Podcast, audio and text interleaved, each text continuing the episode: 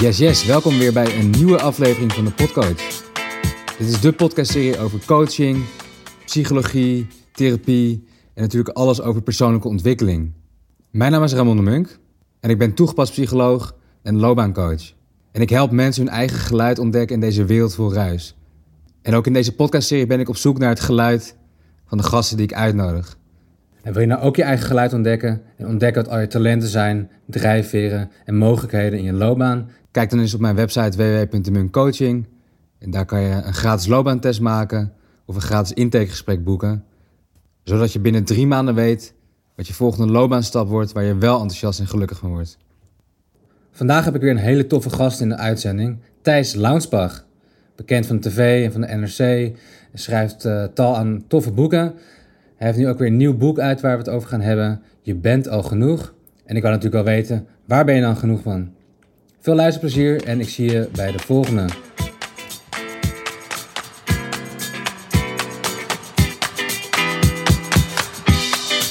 Nou, ik zit hier vandaag tegenover Thijs Launsbach. Bekend van diverse boeken en in de media. Spreker en auteur, psycholoog. En hij heeft onlangs een nieuw boek uitgebracht. Je bent al genoeg. Klopt, ja. En ik zag je filmpje op LinkedIn hoe je vol blijdschap en trots aan het unpacken was van het boek. Dus vertel, hoe voelt het om je een nieuw boek in handen te hebben eindelijk? Ja, het is tegelijkertijd heel leuk en een beetje gek. Want het is een, een resultaat van twee jaar toch al vrij intensief aan werken. En ehm, dat was ook niet altijd makkelijk. Dus ik heb echt wel uh, een beetje geworsteld met dit boek.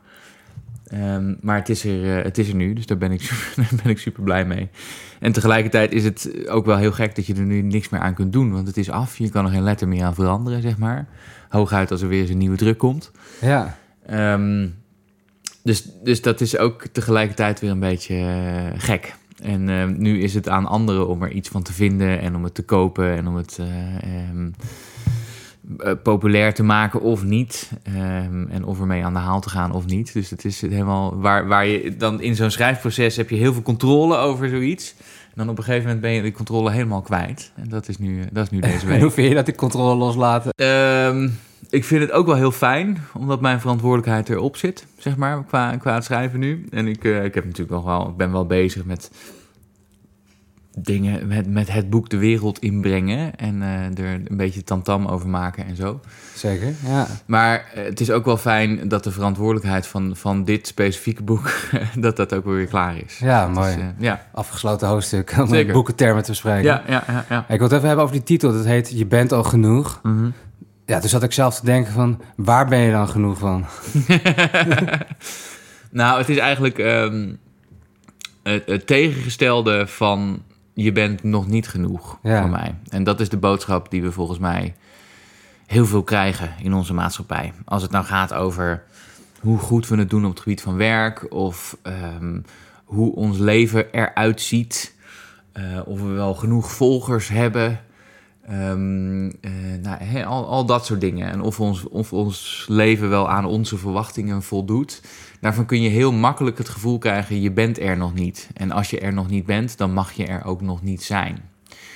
Um, en waar er natuurlijk niet zo heel veel mis is aan ambitieus zijn. En doelen voor jezelf stellen. En, en willen dat je leven leuk en interessant is.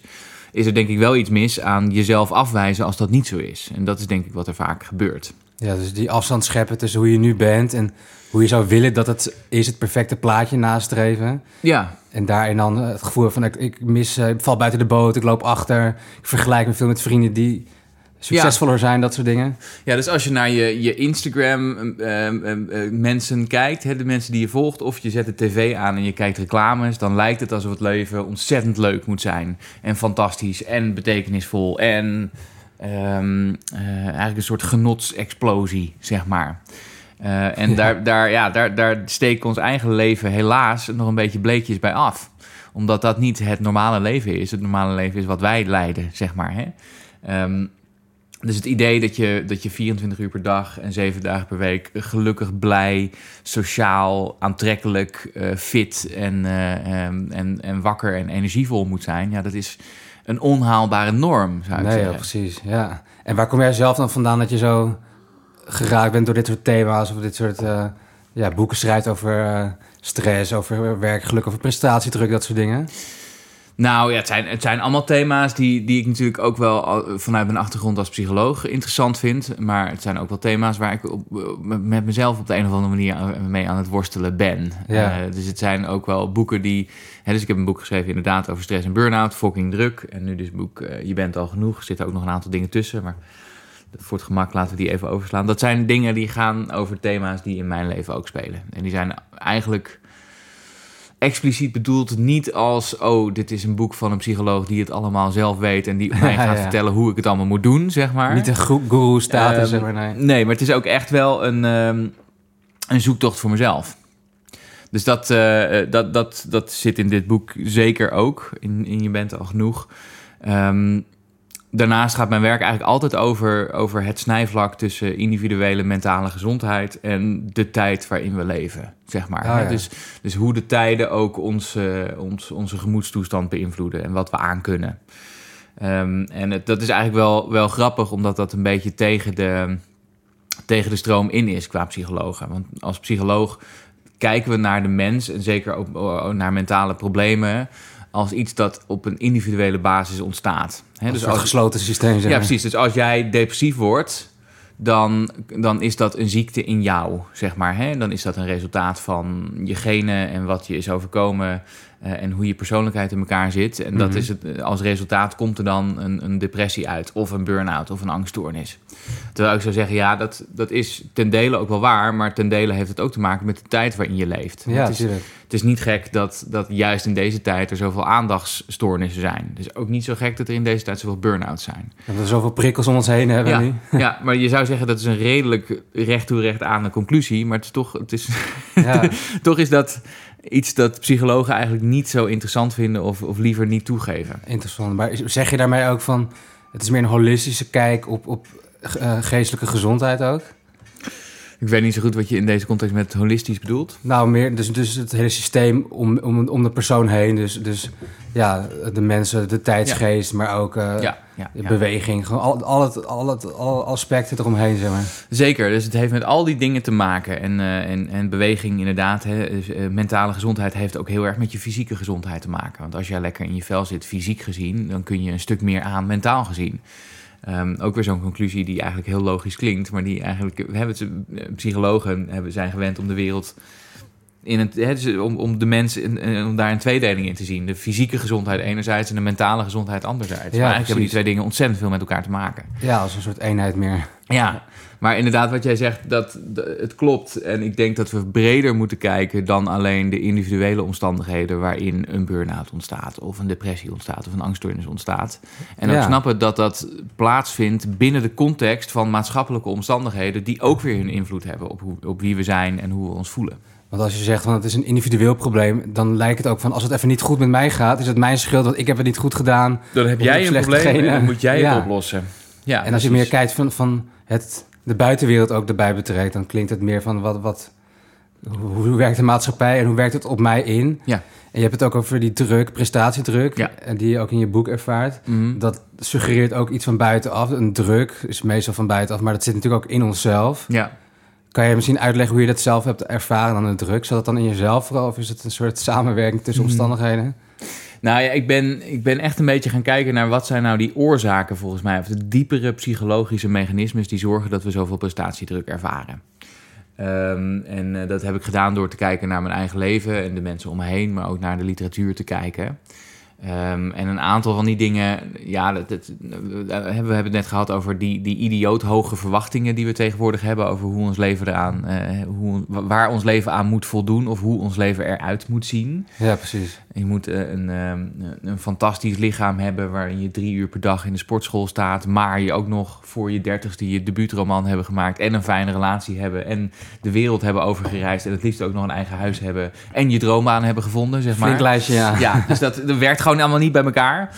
Um, uh, en toch krijg je heel makkelijk het idee op het moment dat je jezelf makkelijk vergelijkt met anderen, wat we natuurlijk de hele tijd doen in onze tijd. Een andere is dat ik heel erg ben gedoken in de wereld van, van social media. En ik zou zeggen, nou, dat is echt als je, als je naar de psychologische literatuur kijkt, dan, dan, dan is de conclusie vrij makkelijk eh, te stellen dat, dat sociale media gewoon echt vergif voor je hoofd zijn. Het is echt niet goed om Nee. heel veel op sociale media rond te, rond te lopen en door te brengen. Heel veel tijd daarop door te brengen. Dus dat is er één. Ik heb natuurlijk gekeken ook naar werk en zeg maar de productiviteitscultus die daaromheen hangt. Dus hè, de, de, wat, wat je dan noemt eh, toxic productivity. Dus het idee dat je ten koste van alles eh, productief moet zijn. Ik heb gekeken naar de, de eenzaamheid in de samenleving. Hè, dus steeds eenzamer wordende samenleving. En ik heb gekeken naar, ehm, ja, hou je vast, want ik weet dat jij, jij bent ook coach, toch? Ja, loopbaancoach. Ja, hallo, coach, oké, precies. Ehm, ik heb ook gekeken naar de, naar, laten we zeggen, de gelukscultuur of de lu- Ja. geluksindustrie. Ja, precies. Eh, het is de- dan jouw collega's of conculega's die het vooral hebben over gelukkig moeten zijn. Ja, dat het een keuze ook is. Ja, dus geluk is een keuze, wordt ons verteld. Terwijl dat eigenlijk, hè, als je naar de cijfers kijkt, helemaal niet zo is. Want geluk is voor een groot deel al bepaald. Ehm, maar ook vooral, hè, dus we zijn zozeer doorgeschoten volgens mij in onze zoektocht naar een gelukkig leven. Dat vinden we ontzettend belangrijk. Dat we een beetje ongeluk als problematisch zijn gaan zien. Ehm, want als geluk maakbaar is en een kwestie is van de, je mindset aanpassen en in een ijsbad gaan zitten en mediteren en ehm, eh, dankbaarheidsoefeningen doen. eh, en, ja, en in je journal schrijven. Ja. in je journal schrijven en elke dag om vijf uur opstaan om, eh, om, om, om, om een- meteen een workout te doen. Zeg maar, als het zo simpel zou zijn, als je daarmee je, je hele geluk als, maakbaar zou zijn, waarom ben je dan ongelukkig? Want dan is het je eigen schuld, want je hebt het toch immers zelf in de hand. Zeg maar. Dus elke, ja, een soort paradox. Precies, dus elke, elke motivational speaker of coach die beweert dat je vandaag nog gelukkiger kan zijn door je gedachten aan te passen, die draagt eigenlijk bij aan het, het problematiseren van normaal menselijk ongeluk, zeg maar. Hè? Ja, de verwachtingen zijn natuurlijk heel hoog. En ik ben het Ja. wel met me eens. Er wordt een hoop beloofd eh, door coaches van... eh, pas je gedachten aan, pas je mindset aan... en Ja. geluk ligt voor het oprapen. Ja. Het komt natuurlijk wel ergens vandaan dat, dat, dat je wel bewust kan zijn van... hoe denk ik nou, hoe, werkt dat innerlijk... en hoe kan ik dat anders benaderen. Maar de, de, inderdaad, ik ben het wel eens van... wat ze allemaal roepen, dat is ook wel toxisch. Ja. Omdat je dan het gevoel hebt van... nee, mij lukt het nog niet na zelf veel boekje lezen. Ja, Dus dan zal het wel weer aan mij liggen. En dan eh, ben ik degene die het al wel niet goed doet of zo. Ja dus het is, het is een beetje genuanceerd. Want hè, enerzijds kun je ook dingen doen door je gedachten aan te passen. En hebben heel veel mensen eh, zeer beperkende overtuigingen. En praten heel veel mensen op een hele negatieve manier tegen zichzelf. Ja. En daar kun je inderdaad wel iets aan doen met een begeleidingstraject en met een coachingstraject. Maar we weten ook uit onderzoek dat, dat dus geluk wordt steeds als een uitkomstmaat genomen. We moeten gelukkig zijn. Dat is dan het doel. Of Ja, zo, hè? Terwijl je kunt bij ja. ja, je kunt bij dat doel nogal je vraagtekens zetten. Want wat je beter volgens mij kunt doen, is proberen een betekenisvol leven te leiden. Waarin je dingen doet die belangrijk zijn. En dan als een neveneffect word je daar tevreden van, zeg maar. Hè? Ehm, maar we weten dat, dat geluk ook voor een flink deel, volgens mij zelfs voor 50% in sommige schattingen, genetisch bepaald is. En dan ook nog eens voor een flink deel ehm, eh, door, je, eh, door je opvoeding eh, bepaald is en door je persoonlijkheid bepaald is. Dus je je hebt een bepaalde mate van stoffen die je al in je hersenen ja, hebt. precies. en Dus je hebt eigenlijk maar, hè, dus in sommige schattingen van, van mensen die daar dus heel serieus onderzoek naar doen, heb je maar 10% van de variantie in, in je geluk kun je zelf beïnvloeden. En dat betekent gewoon dat sommige mensen, hè, je hebt een bepaalde basis, een, be- een bepaald basisgeluk. En bij sommige mensen is dat wat hoger afgesteld dan bij andere mensen. Dus sommige mensen zijn van nature wat meer blije eieren. En andere mensen zijn wat meer, zeg maar, Ior uit, uit Winnie de Pooh. Die zijn gewoon wat negatiever. Ehm, en dat, dat is gewoon wat het is. Daar heb je het mee te doen. Je hebt af en toe wat uitschieters naar boven en wat Ja, uitschieters ja. naar onder. Maar je komt weer terug op die baseline. En tegen die mensen die wat ongelukkiger zijn afgesteld, of wat neurotischer zijn afgesteld, of angstiger zijn afgesteld, tegen die mensen zeggen: ja, je moet gewoon je gedachten veranderen, want dan is het morgen geregeld. Is gewoon een beetje sadistisch, denk ik. Dus, hè, want, want die mensen krijgen dan vervolgens: dat lukt niet, want dat lukt niet. zeg maar, dat Nee, is niet nee, hoe het werkt. En die mensen krijgen dan ook nog eens het gevoel: zie je wel, ik kan het niet en het ligt nog eens aan Dus mij. het ook. bevestigt nog even Ja. het mismaakt zijn of anders ja, zijn. precies. Zie je wel, ik kan Ja. het niet en het zal mij nooit lukken. Wat ik al mooi vind aan jouw uiting is dat je een soort effect krijgt van, van doe gewoon chill en doe niet te moeilijk. Het, het is al goed zoals het is, een beetje Ja. die vibe. Is Nou, dat je- wat je uit, uitdragen? Ja, wat je veel beter kunt doen is dus niet alsmaar weer bezig zijn met jezelf ten koste van alles ontwikkelen. Of, ehm, alleen maar met dat einddoel voor ogen, eh, dus in het leven staan. En dan, hè, wat, wat, wat er dan vaak gebeurt, is dat je niet helemaal meer ziet wat je hier nu al wel hebt. Ja. Omdat je zozeer bezig bent met waar je nog niet bent. Dus een deel daarvan, kijk, de oplossing voor dit, voor dit mechanisme is niet nog beter je best doen of nog meer jezelf overtreffen, maar is ook een beetje respect hebben voor wat je al voor elkaar hebt gebokst en voor wie je wel bent. En een beetje, hoe, ja, hoe zijig het ook klinkt, een beetje liefde kunnen hebben voor wie je bent. En niet alleen maar die dingen die overeenkomen met het maatschappelijke plaatje, maar ook je wat minder goede kanten, zeg maar. Eh, en snappen dat dat gewoon ook bij mens zijn hoort. Ja, dat je ja. kanten hebt van jezelf waar je niet zo enthousiast over bent. En nu luisteren de mensen dit die denken van ja, dat, dat gevoel wil ik ook wel wat vaker toelaten. Hoe doen we dat? Nou, een van de dingen die je kunt doen is jezelf, is je compassie trainen. Er, zijn, er is een hele eh, stroming in, eh, die, die heet de metta-meditatie, de, de, de liefdevolle vriendelijkheid-meditatie. En je kunt jezelf trainen om op die manier naar de wereld te kijken en naar jezelf te kijken. En dat is sowieso een goed idee, want ik denk dat we een beetje weinig compassie hebben in onze tijd. We zijn ook heel hard voor anderen, maar misschien nog wel harder voor onszelf. En je kunt eigenlijk pas compassie hebben. En Compassie is dus medelijden. Hè? Dus het lijden in de, andere, in de ander herkennen. Oh ja. En dat, dat kun je eigenlijk pas doen. Dat kun je eigenlijk pas opbrengen op het moment dat je ook medelijden met jezelf kunt hebben. Dus een hele eenduidige manier van dat, een eenvoudige manier van dat trainen. Wat niet wil zeggen dat je dat dan morgen meteen hebt opgelost, zeg maar. Maar de manier van dat oefenen is bijvoorbeeld even gaan zitten. En dan even je aandacht naar binnen eh, keren. En je dan eens even te checken van... Hey, hoe gaat het eigenlijk met mij op dit moment? Wat voel ik nu? Welke emoties ervaar ik nu?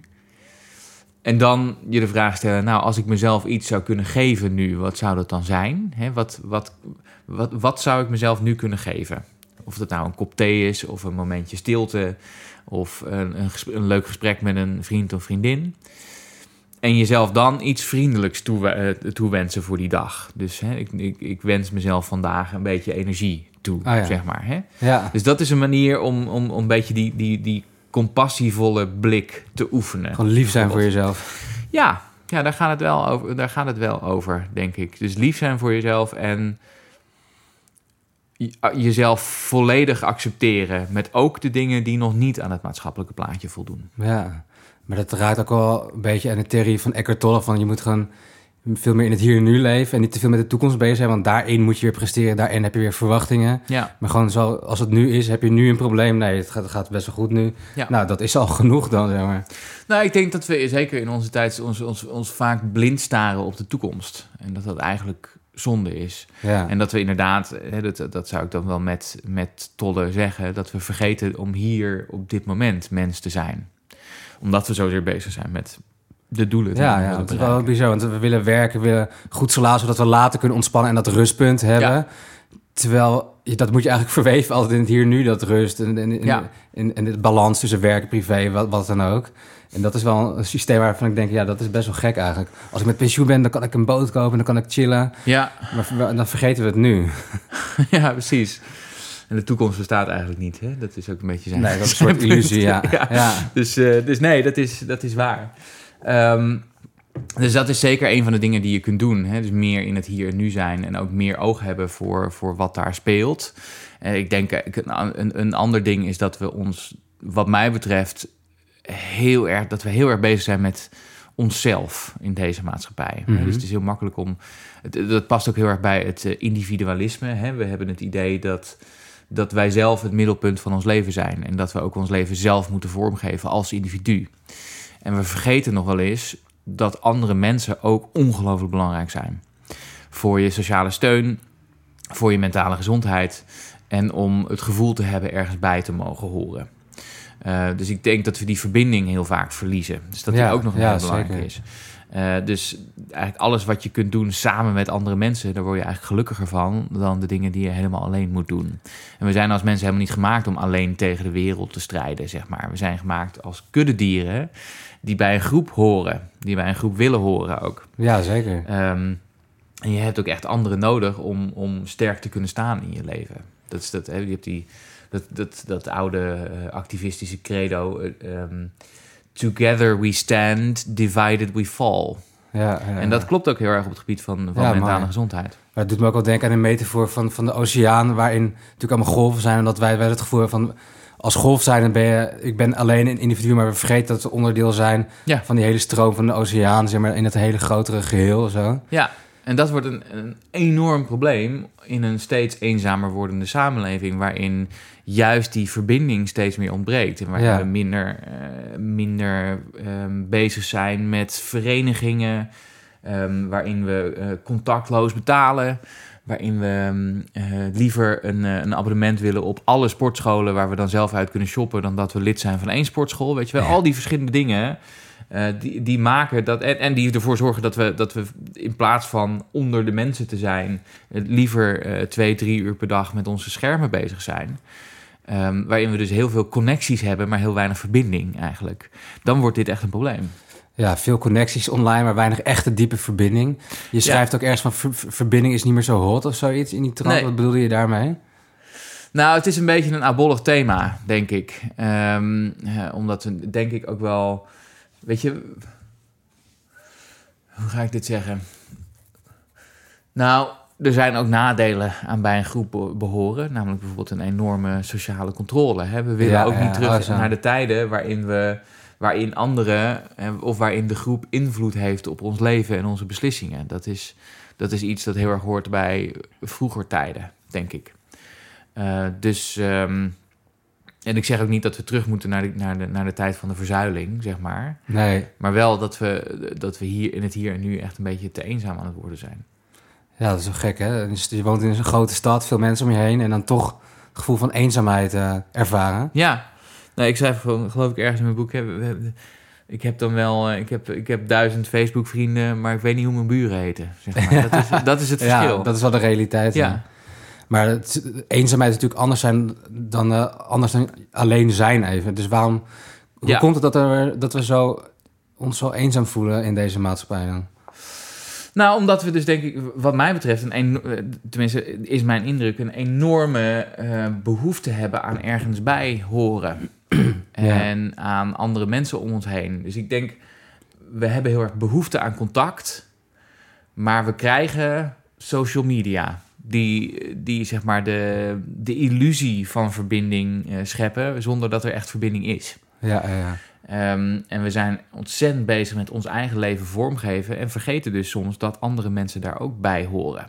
En dat het soms helemaal niet gaat over wat jij wil met jouw leven, maar het, soms gaat het over wat jij kunt bijdragen ergens aan, of hoe jij andere mensen kunt, kunt bijstaan. Dus meer geven, niet alleen maar iets willen voor jezelf, maar ook meer... Ja, ja precies. we, Wederkerigheid. zijn, we zijn ontzettend bezig met het ik en, Ja. en niet zozeer met het wij. En staat dat ik dan ook voor, voor het ego van, eh, ja, voor erkenning krijgen en Ja. afwijzing voorkomen en helemaal goed willen doen, status en dat soort dingen?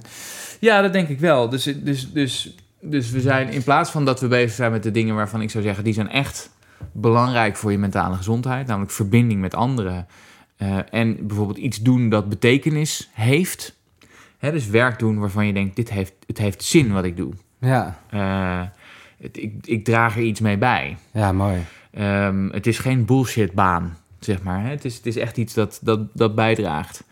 In plaats van daar, daarvan zijn we bezig met, met zelfverheerlijking. En, en een, zoektocht, een, een zoektocht naar geluk die, die gedoemd is te mislukken. Zeg ja, maar. duidelijk. Ja. En nog even terug naar de titel van je boek. Je bent dus al genoeg. ja. Net hadden we het over coaches die heel veel beloven. Mhm. Vanuit allerlei goede bedoelingen natu- natuurlijk. Ik merk het zelf ook wel eens in mijn kopje, weet je dat ik dan net iets te veel aan het overtuigen ben. Of even een, een eh, krachtterm er nog ingooi. en ik herken het wel bij mezelf ergens bedoel, van... als, je, als, je aan het coach, als je iemand aan het coachen bent. Nee, in mijn kopie dus. Dat bedoel ik met tekst op een website. Oh, ja, ja, ja. een social media post. Dus de copywriting bijvoorbeeld. Mhm. Hoe kunnen coaches, want er luisteren ook veel coaches naar deze serie... Ja. eh, toch, zeg maar, het dilemma van toch klanten werven... en inspirerend zijn en prikkelen... en het probleem goed benoemen... en ook wel de dingen beloven... maar dan op een menselijke, gebalanceerde manier, zeg maar. Ja. Ja, ik, ik, kijk, ik heb natuurlijk wel... Ik heb het laatst behoorlijk aan de stok gehad... met zo ongeveer heel coach in Nederland. Eh, je had die... ehm, dat item van Arjen Lubach over... Ja, er zijn veel te veel coaches. Ja, En daar had ik dan weer een, smullen, ja, daar had ik dan weer een post over geschreven. eh, het, daar weer een reactie op. En daar werd coach in Nederland boos over, zeg maar. Ja, ik, ik, ik, ik heb wel sympathie voor die fuik waar je in zit. Want wat je eigenlijk wil, is dat je dus niks hoeft te beloven als coach. Ehm, want het gaat namelijk niet over wat jij kunt beloven aan iemand, maar je functie is van iemand die, die iemand bijstaat. Dus niet die bepaalde resultaten belooft. Ik zou zeggen, jouw rol als coach is naast iemand staan en aandacht geven en de juiste vragen stellen zodat je die persoon zelf in staat stelt om een probleem op te lossen. Dat is wat je idealiter doet. Ja, vanuit de autonome kracht van de ander. Ja, ja dus mijn stelregel is, hè, ik krijg ook wel eens de vraag van... Hey, ehm, eh, waar moeten mensen op letten als ze een coach uit, uitzoeken? Uh, dan, dan is mijn stelregel altijd als je een gesprek hebt met een coach, um, dan moet je op een paar dingen letten. Sowieso is het handig om verschillende gesprekken te hebben met coaches, om eruit te zoeken met wie je een klik hebt. Want Zeker. dat is eigenlijk veel belangrijker dan de specifieke methode die iemand aanhangt. Ehm, maar ook als iemand meer dan de helft van de tijd in het eerste gesprek aan het woord is als coach, wegwezen. uh, en als iemand al gelijk komt met een soort behandelplannetje of een soort modelletje waarin je oplossing te vatten is, ook wegwezen, zeg maar. Ja, dat zijn wel goede indicaties, ja. ja dus wat een coach idealiter doet, is, eh, is een probleem helder krijgen door de juiste vragen te stellen, zodat iemand dat zelf oplost. Ik zou zeggen, dat is, uh, dat is je functie als coach. Niet om iemand naar een bepaald resultaat te helpen. Maar dat is natuurlijk wel lastig, waarin je jezelf ook in een wereld waarin je jezelf moet verkopen als coach. Ja, zeker omdat er zoveel andere coaches zijn. Ja. Eh, meer coaches dan mensen, zowat. Ja, precies. Dus dat is, dat is een hele lastige, hele lastige fuik. Maar ik denk dat je je misschien vooral moet profileren op dat, hè, dus op je op je sociale functie. Um, want ik denk dat dat mensen uiteindelijk dat, dat mensen dat kunnen halen bij jou als coach. Um, de, de medemenselijkheid en het samen nadenken over iets. Dus, dus ik zou zeggen, als ik, als ik de coaches die dit luisteren toch een beetje streng mag toespreken, en ik hoop dat jullie me dat uh, daarvoor niet haten, is beloof niet al te veel over wat mensen gaan bereiken met jouw online programma of met jouw coaching. En beloof zeker niet dat mensen nu wel gelukkig worden als ze met jou in zee gaan. Nee, dat is een goede. Ja. Dus, uh, en, en bovendien, dus ik zou zeggen, iemand die uh, nog even een, een extra, uh, hoop niet al te krenkende opmerking. Iemand die een online programma verkoopt, is geen coach. Nee. Zeg maar. Uh, dat, is een, dat is een motivational speaker die, uh, ja, die iets uitlegt. Nuance, ja. Dat is een, dat is een, een spreker uh, en niet een coach. Um, dus dat is ook wel, wat, wat, zou ik zeggen, een beetje een gevaarlijke tendens die ik dan nu signaleer. Dat sommige, sommige coaches die praten helemaal niet meer met hun cliënten. Die zeggen gewoon, nou, koop voor 800 euro dit online programma. Ja, dat en gaat alles oplossen. Ja, die zijn alleen maar aan het zenden eigenlijk. Ja, precies. Ja. precies. Dus dat, doe dat alsjeblieft niet. En, uh, en realiseer je ook dat jouw ja. functie als coach is samen met iemand in een kamer zitten of, of buiten op de hei wandelen. En samen met die persoon iets boven tafel krijgen. Ja, zo voel ik het ook zeker. Maar in mijn ontwikkeling als ondernemend coach heb ik, ben ik er wel tegen aangelopen dat in veel marketingachtige systemen plakken ze eigenlijk gewoon dingen om producten te verkopen. Een beetje op, op jezelf als coach verkopen. En dan heb je heel erg van, wat beloof je de klant en hoe ziet het eruit? En neem ze mee in het probleem. En heel erg ja, die heftigheid erin terugkrijgen. Nee, ja, precies. En dat, is, dat lijkt me precies de fuik. Is dat je dus wel... Um, je, je succes komt. Het, als je dat spelletje goed speelt, dan komen de klanten op je af. Maar dat spelletje speel je dus door iets te beloven dat je niet waar kan maken. Ja. Dat is het grote probleem. Ja. Dus ik wil ook veel meer gaan zitten op die menselijke marketing eigenlijk. Van, uh, ja. ja. niet, niet die stomme trucjes altijd, maar gewoon echt uh, je eigen goud laten schijnen in wat je schrijft eigenlijk. Ja, ja, ja, precies. En ik denk dat er misschien ook nog wel een, een functie ligt in dat je als coach kunt laten zien hoe complex en genuanceerd je eigen mentale gezondheid is. Uh, dus dat je een beetje wegblijft van, van dat, dat altijd maar een oplossing voor iets hebben en uh, het is morgen op te lossen, zeg maar. Ja. Hè? Dus dat je juist zegt, het leven is gewoon soms best wel kut. Het leven is af en toe een zesje en niet altijd Ja, en af en toe is het een vier of een ja. drie. En uh, dat hoort erbij. dus, dus, en, en je gaat zeker niet een, een, een methode vinden waarmee je leven altijd een tien is. Nee, zeker niet ja, dat, inspireert me ook wel weer om, omdat ik merk op social media, de post waarin ik iets deel over mijn eigen proces, mm -hmm. dat scoort vaak beter, omdat, dat dan, omdat je dan iemand echt ziet, zeg maar. En als ik even weer uh, een theorie deel, hoe het, hoe het moet bijvoorbeeld, vanuit mm -hmm. de psychologie of wat dan ook, mm -hmm. dat, dat, daar zit niet iedereen altijd op te wachten. Dus ik merk die, die, die menselijkheid laten zien, dat is goed om te doen, maar dat vind ik ook super spannend om soms te doen, weet je. Maar ik merk wel dat het goed werkt. Ja. Hoe kijk jij daarnaar? Hè? Nou, ik, ja, dat, dat, dat, dat ligt dus wel een beetje in lijn met, met wat ik probeer te zeggen. Ik denk dat mensen ook wel een beetje door die beloftes heen prikken van een, van een nu wel gelukkiger leven met een, Ja, met een ja. nieuwe methode. Mensen denken, ja, het zal wel weer een modelletje of weer een methodetje. Het zal, het zal allemaal wel. Precies. Terwijl als je laat zien wat je menselijkheid is en dat je, eh, dat je op die basis dus mensen coacht, denk ik dat je Ja. er veel meer mee opschiet. Dus dat, eh, ja, ik, ik, denk, ik denk overigens ook, ik weet niet of, of je het daarmee eens bent, misschien is dat een beetje te, te, te cru als ik dat zeg, maar dat coach niet een beroep is, maar het is een, een rol, Een houding of zo. een houding. Dus ik Ja. denk ook dat het, eh, weet je, je hebt bepaalde vaardigheden nodig om coach te zijn, maar ik denk dat het ook goed is om niet alleen maar jezelf als de coach te profileren, maar dat naast bijvoorbeeld ander werk te doen, eh, Hmm. waarin je je inhoudelijk in een bepaald onderwerp verdiept. Heb je daar een voorbeeld bij van naast ander werk? Maar is het dan dat het aan elkaar gekoppeld is dat je bijvoorbeeld heel goed bent in, in zorg eh, of verpleegkunde? Ja. En dat je denkt van, oh, dan ga ik ook andere mensen coachen in hetzelfde vakgebied of zo. Hmm, ja, wat bedoel ik eigenlijk met wat ik zeg? Dat is een hele goede vraag. Ehm, nou, ik, ik kan misschien even mijn, de manier waarop ik ermee bezig ben ehm ernaast zetten. Ik, ik, ik profileer me dus helemaal niet als coach. En ik doe wel af en toe een coaching, omdat, Ja. dat, omdat iemand dan heel expliciet naar mij vraagt. En ik denk, nou, dat, dat wil ik dan wel doen. Oh ja. Ehm, ik ben wel opgeleid als therapeut, zeg maar. Dat is, eh, Ja. dat is waar ik vandaan kom. Ik ben eigenlijk dus, de manier waarop ik dat doe, is ik ben bezig met bepaalde onderwerpen. Zoals, hoe zit het nou precies met stress? En daar heel diep in duiken. Eh, en dat is waarop ik me profileer. Op een aantal van die, van die inhoudelijke expertises. Zoals bijvoorbeeld nu hè, zelfacceptatie. eh, die kant, menselijkheid, eh, mentale gezondheid. En op basis daarvan komen er soms mensen op mij af om, om een coaching of om een bepaalde, ja. Met, met een bepaalde vraag. Je hebt wel echt zo'n expertrol is- dan. Ja, ja, en ik denk dat dat misschien ook. Dat, dat, dat zou in ieder geval mijn ideaal zijn als coach. Dat je dus. Een coach is een expert op een bepaald specifiek vlak.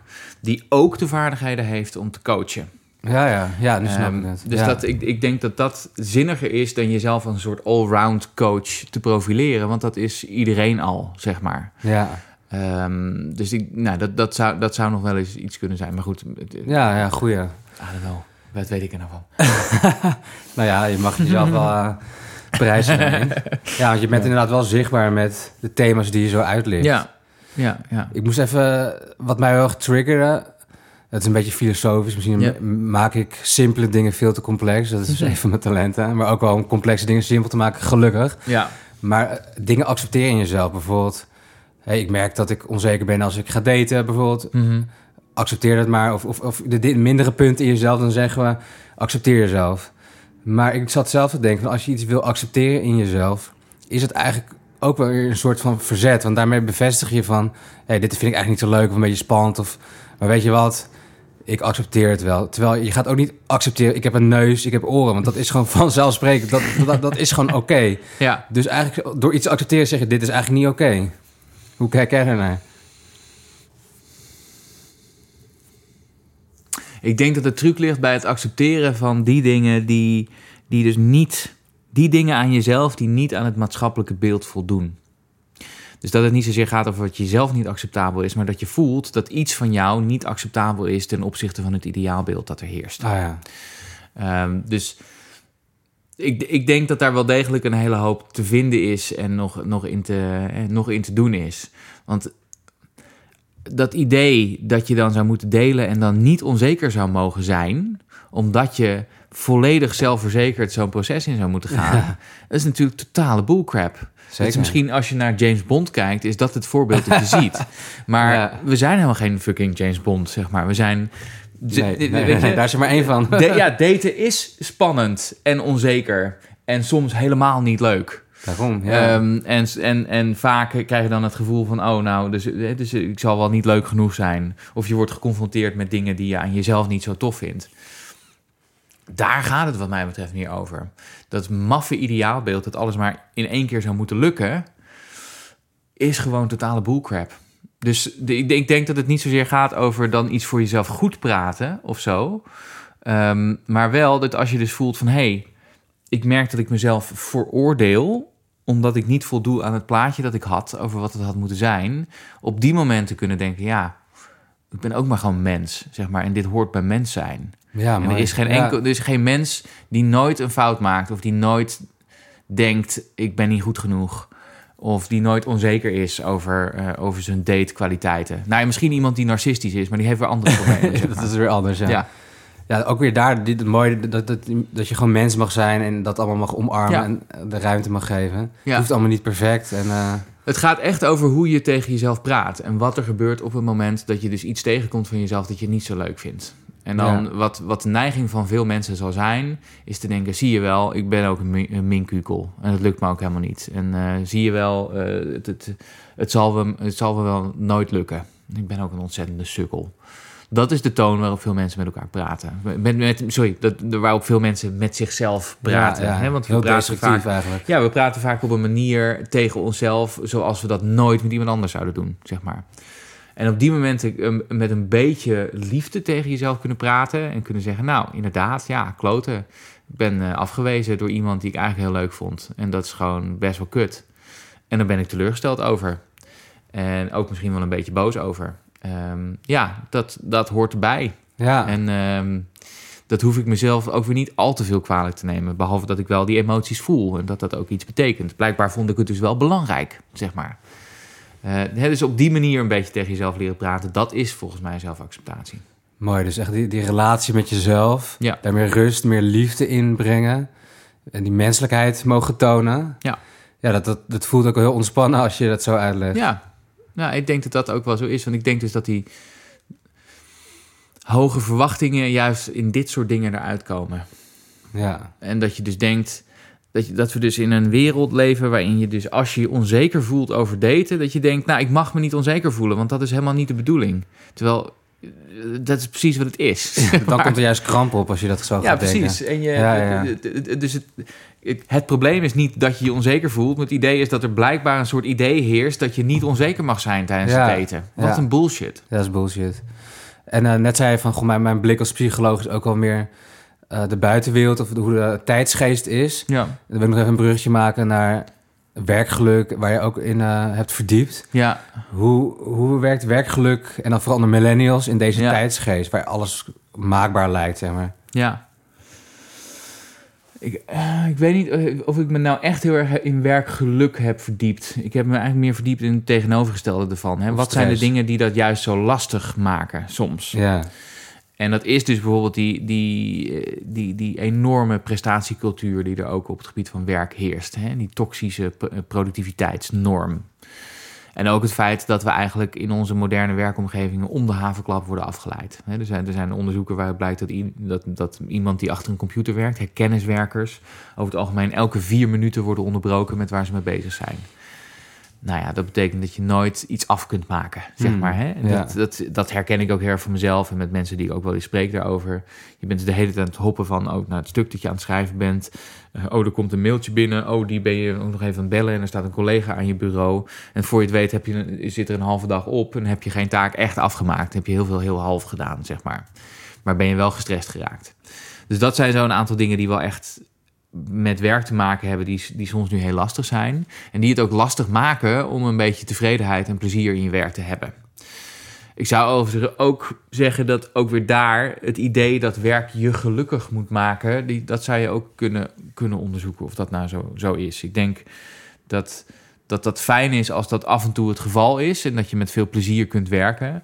Maar dat je ook daar realistisch moet zijn en moet denken, nou ja, soms is werken ook gewoon doorbijten. nou, dat is wel een goede vraag. Want als je kijkt naar de oudere generatie, die had veel meer de mentaliteit van werk hoeft niet altijd leuk te zijn. Die Ja. willen maar poetsen, geld tot de brood op de plank. Ja, Terwijl ik merk bij jongeren, millennials, generatie Z, dan weet ik het allemaal. Die willen echt zingeving en geluk en, v- en vervulling hebben met hun werk. En zijn Ja. daar heel erg naar op zoek. En als de baan dat even niet biedt binnen hun proefmaand, staan ze weer met één been buiten en gaan ze weer verder eh, scrollen, zeg maar. Ja, ja, ja, ja, precies. Nee, dat klopt. En dus accepteren dat een baan eigenlijk al eh, dat niet voor 100% leuk kan zijn, of Nee. voldoende kan zijn, of plezierig kan zijn, is denk ik ook al een hele stap daarin. En ook snappen dat dus een beetje, een beetje balen van je werk er ook bij hoort. Zeg Ja, zeker. Dat, het, dat je ontzettend blij mag zijn als, laten we zeggen, eh 70% van je werk leuk is en 30% niet. Dat dat echt al een Nou, dat is Prima een score goede, goede, is, zeg goede maar. formule. Dus Ja. je werk voor 70% Ja. leuk, dan is het oké. Ja, ja. En de, maar goed, ik denk ook dat leuk en plezier en werkgeluk niet de enige uitkomstmaten zijn. Ik denk dat je veel beter kunt streven naar zinnig werk. Want ik denk ook dat heel veel mensen vastzitten in een bullshitbaan. Ja, Hè, Dus werk waarvan Ja. ze het gevoel hebben, Ja. dat heeft eigenlijk geen betekenis. ja dat, dat maakt ook eh, dat je niet meer tevreden bent naar je werk gaat... omdat je het gevoel hebt van, ah, waar doe ik het eigenlijk allemaal voor? Ja, ja, precies. Of wat heeft, het, wat heeft mijn bijdrage voor, voor waarde, zeg maar? Hè? Wat voeg ik toe aan de wereld? Hoe maak ik met mijn werk de wereld een beetje beter? En ik kan me voorstellen dat als je... Ik hoop niemand daarmee te beledigen, maar als je... Weet je, bezig bent in je werk, eh, in je 40 uur per week steekt... in, eh, in het hoger in de Google-ranking brengen van een of andere webshop... die niet eens van jou ja, is, zeg ja, maar ja, precies. dat je dan soms wel afvraagt van waar doe ik het allemaal voor en wat draag ik bij? Terwijl je hebt maar één leven. Ja, En in dat leven heb je misschien maar 80.000 uur. Dat klinkt veel, maar om je, om, om je bijdrage aan de wereld te leveren. Daarin moet je het doen, zeg maar. Dat is wat je hebt. Dus, dus ik denk dat je veel beter iets met betekenis kunt gaan doen... of kunt zoeken naar wat is nou mijn bijdrage... dan dat je gaat denken over hoe moet mijn werk zo leuk mogelijk zijn.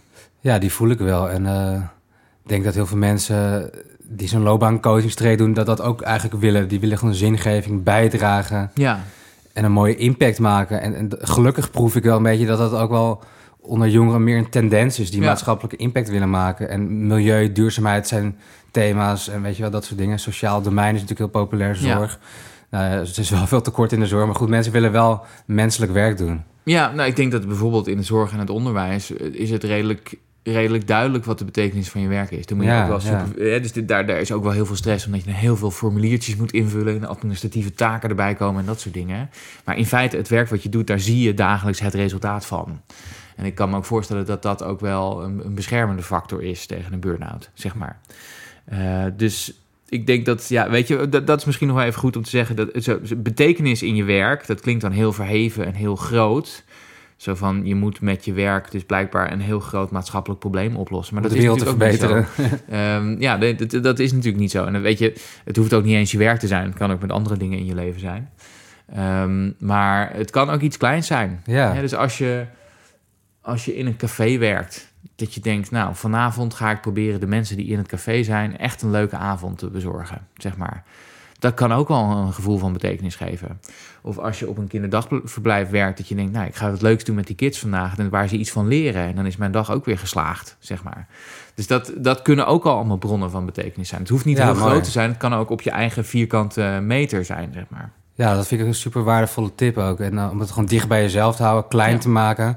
En te kijken, wat kan ik vandaag doen om toch een mooie dag in mijn werk te beleven. Ja, ja, Ja. precies. Of, hè, dus, eh, dus, andere, dus mezelf een mooie dag te beleven. En voor de eh, ander. Maar ook anderen een, een mooie dag te laten beleven. Ja. Ja, ja, ja. als je geluk deelt, krijg je, dan groeit het alleen natuurlijk nog maar.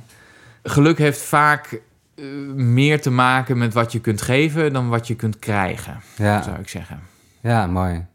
En net, eh, ik zit even naar de tijd te kijken, want jij, jij moet echt om 12 uur stoppen. Ja, ik moet wel Ja. ongeveer om 12 uur stoppen. Dus dat, Dan, eh, eh, ja, ja, ja, ja. Nog een, eh, nog Wat een vraag die, vragen? die, die nog brandt. ja. Eerder zei je van, ja, het is ook wel mijn eigen zoektocht. We hadden het over je boek, ja. het proces van schrijven, dat het eh, ook wel een bevalling is. Ja. Heb je dan gevonden wat je zocht en wat zocht je dan in die zoektocht precies? Ik heb ehm, dit boek willen schrijven omdat ik dus iets dieper op de materie in wilde gaan. Dus waar ik voorheen bijvoorbeeld schreef over het stressprobleem, dat is een redelijk praktisch probleem met een redelijk praktische oplossing ook, wilde ik nu kijken naar wat, wat, wat, wat diepere onderliggende thema's. Dus ik heb heel erg de zoektocht gehad van wat wil ik nou eigenlijk zeggen. En ook de zoektocht, wie ben ik om hier iets over te zeggen? Moet, ik, moet ik mezelf profileren als de psycholoog die alles weet? Nou, dat kwam al redelijk snel achter, dat moet je niet doen, zeg maar. Nee. Ehm, of, en wa- wat is mijn eigen rol hierin? Wat is mijn skin in the game ook wel? Hè? Dus dat, wat, is mijn, eh, Wat is mijn eigen betrokkenheid bij het onderwerp? Dus daar ben ik heel erg in, in blijven hangen. En toen, hè, dus het boek, boek heet Je bent al genoeg. En ik kwam al redelijk snel op die ironische situatie dat alles wat ik schreef, ik eigenlijk niet goed genoeg vond. Ja. Dus dat is een beetje tamelijk onfortuinlijk. Dus ik heb ook naast, ik, ik kon het allemaal wel bedenken en ik, ik, ik wist de dingen waar ik boos over was. Want eigenlijk is, weet je, ik heb het met veel humor opgeschreven, maar het eerste deel van het, van het boek gaat echt wel over die gestoorde wereld waar we in leven. Mhm. En daar waar ik ook soms echt wel een beetje boos over ben. Bijvoorbeeld over social media. Hè? Dus, Ja. dat, ehm, dus dat maakte het ook niet al te positief.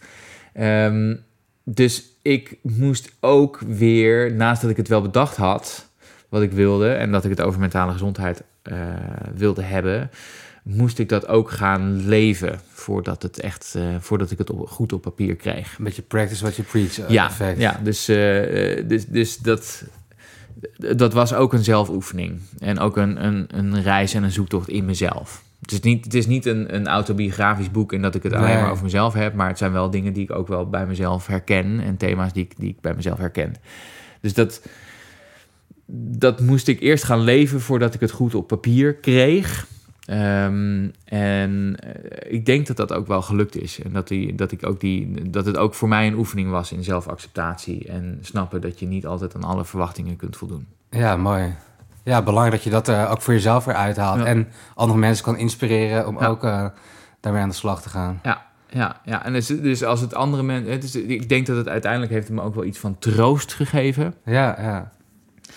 Van eh, die, die boodschap van... Natuurlijk kun je niet aan alle verwachtingen voldoen. Dat is... En dat hoeft ook helemaal niet. Nee, mooi. Eh, dus als het die troost ook voor andere mensen kan opleveren... dan ben ik, eh, ben ik een blij mens. Heel mooi. In het begin deed je een beetje nonchalant van het resultaat van het boek. Het ligt een beetje open. Zo. Ja, ja, ja, ja. Maar wat is je visie met het boek? Waar hoop je op? Nou, ik hoop natuurlijk dat ontzettend veel mensen het gaan lezen. En ik hoop ook dat het een discussie teweeg kan brengen die gaat over... Misschien is mentale gezondheid niet een volledig individuele verantwoordelijkheid. En misschien is het ook, want daar hebben we het in dit Ja. gesprek nog niet zo heel erg over gehad. Maar een, een, een, een deel van het boek, het laatste deel van het boek, gaat echt over hoe kunnen we de maatschappij nou anders indelen? Zeg maar, hè? Dat, dat, dat ontstijgt de individuele verantwoordelijkheid. En dat is ook een, een politieke verantwoordelijkheid, of een verantwoordelijkheid voor het onderwijs, of een verantwoordelijkheid voor werkgevers, Mooi. om die, om die mentale gezondheid te borgen. Ehm, dus ik hoop daar het gesprek over aan te wakkeren. Ehm, eh, en ik hoop dus dat het mensen ook een beetje met een, met een beetje meer liefde naar zichzelf laat kijken. Dus daarom moet, natuurlijk, daar moet iedereen het gaan kopen en gaan lezen. Super mooie intentie, ja, dat voel ik wel, ja. Het zit allemaal verweven in Ja. allerlei lagen van de maatschappij natuurlijk. Ja. En eh, mooi dat je dat er zo uitlicht. Ja. Ik kan me ook voorstellen dat het veel eh, ja, gevoel van bijdrage geeft... en dat je daar nog veel meer in kan gaan betekenen in de toekomst. Ja, ja, ja dat hoop ik. Ja. Oké, dan kunnen we hem afronden wat mij betreft. Heel erg bedankt uh, Thijs voor dit toffe gesprek. Ja, was leuk om te doen. Thanks. Is er nog iets wat jij wil meegeven aan een luisteraar of uh, iets wilt delen? Nee, ik denk dat ik het meeste wel, wel heb gezegd. Dus uh, uh, val niet, trap niet in de val van altijd maar meer van jezelf verlangen en ondertussen jezelf afwijzen. Want ik denk dat veel te veel mensen daarin vastzitten. En dan ook met het idee van, nou, als ik nou maar extra mijn best doe, dan haal ik het misschien wel. Maar die zelfacceptatie komt daar niet vandaan. Die komt van Nee. hele andere dingen. Mooie samenvatting. En waar kunnen mensen jou vinden? Willen ze meer over het werk van jou uh, weten? En je boek dus, Uh, mijn website, uh, en daar is ook een, een, een, nieuwsbrief waar je op kan inschrijven. Op mijn LinkedIn-pagina deel ik altijd mijn columns die ik schrijf voor het AD. Um, en uh, ik heb ook een Instagram-account. Kijk, over social media gesproken. Ja, die ik niet zelf meer beheer tegenwoordig, maar die wel leuk is. Oh, heel verstandig. nice. Oké, okay, thanks Thijs. En uh, luisteraar, jullie ook bedankt voor het luisteren en tot de volgende keer. Alright.